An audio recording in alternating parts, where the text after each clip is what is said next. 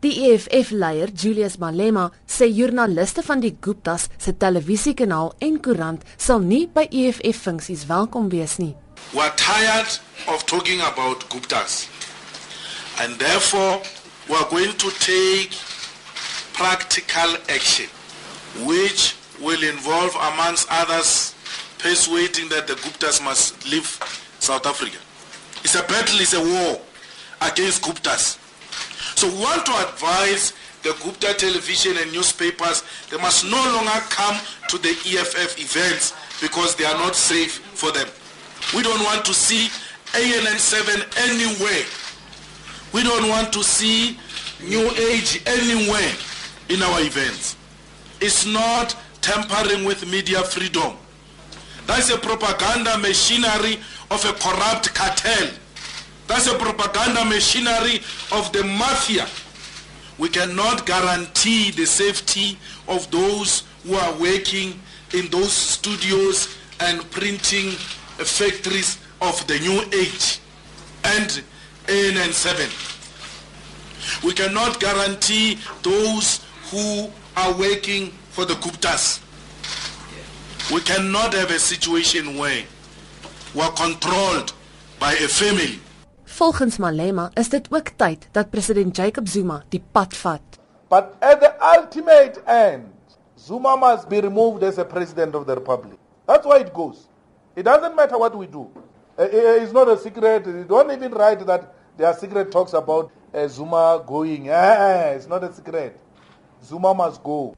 'n Woordvoerder van die Suid-Afrikaanse Nasionale Redakteursforum, Adrian Basson, sê dit is onaanvaarbaar vir enige politieke party om in die openbaar te sê dat hy nie die veiligheid van sommige joernaliste kan verseker nie. Die Suid-Afrikaanse Nasionale Redakteursforum is baie bekommerd oor hierdie tipe uitlatings van ehm um, Julius Malema die EFF leier. Ons glo nie dat enige joernaliste verbied moet word van ehm um, enige uh, politieke uh, vergaderings nie. Dit is natuurlik enige politieke party se reg om met die eienaars van media maatskappye in gesprek te tree sou hulle daarvan verskil. Maar ons is 'n land waar daar vryheid van spraak en vryheid van uitdruk tot uitdrukking is en uh, die EFF moet dit respekteer. Volgens Basson gaan SANEF met die EFF hieroor in gesprek tree. Ons sal die EFF self vra om dit nie te doen nie om wel joernaliste van hierdie media huise toe te laat. Dis nie enige politieke party se reg om joernaliste te dreig om hulle geleenthede te dek nie. Sanef het ook ehm um, toe die ANC joernaliste verbied by hulle 8 Januarie konferensie daarteen uitgespreek. Um, ons glo regtig nie joernaliste moet geblameer word vir kwessies ehm um, dinge waarmee die EFF uh, eh, sou fout sien die eienaars het nie. Die president van die ANC Jeugliga, Colin Mahine, sê intussen dat die gesprek rondom die Gupta familie moet verander. If people have got evidence of any wrongdoing by the Gupta family, they must take it to the relevant security agencies of the country to deal with that. So that we then don't Guptarize the country, that every time there are issues, Gupta this, Gupta that, alignment to Zuma and all of that.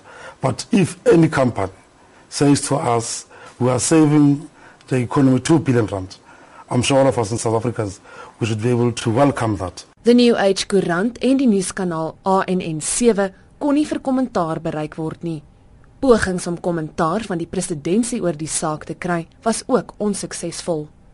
'n Politieke en beleidsspesialis by die Potchefstroom se besigheidskool, Theo Venter, sê dit is 'n baie interessante standpunt van die EFF, maar nie onverwags nie. Ek het so 'n vaar gevoel dat volgende week met die staatsrede gaan die #paybackthemoney nie meer so intens uitgebuit kan word soos verlede jaar nie, maar dat dit waarskynlik vervang gaan word met uh, #theguptasmustgo en uh, my woorde was nog nie koud nie toe ek begin rondkrap op Twitter te sien ek hy's klaar daar, hulle is klaar besig daarmee. So ek dink dit is maar net die volgende hoofstuk in die EFF se strategie teen meneer Zuma want daar's geen twyfel nie dat hulle het 'n program van beginsels en met allerlei beleide maar die tussen die werklike motivering vir die EFF se bestaan is hulle totale aversie aan meneer Zuma en ek dink enige iets waar hy homself aan blootstel is vir hulle soos manne uit die hemel uit Dit was 'n politieke en beleidsspesialis by die Potchefstroom se besigheidskool, Theo Venter. Ek is Dianke Nel vir SABC nuus.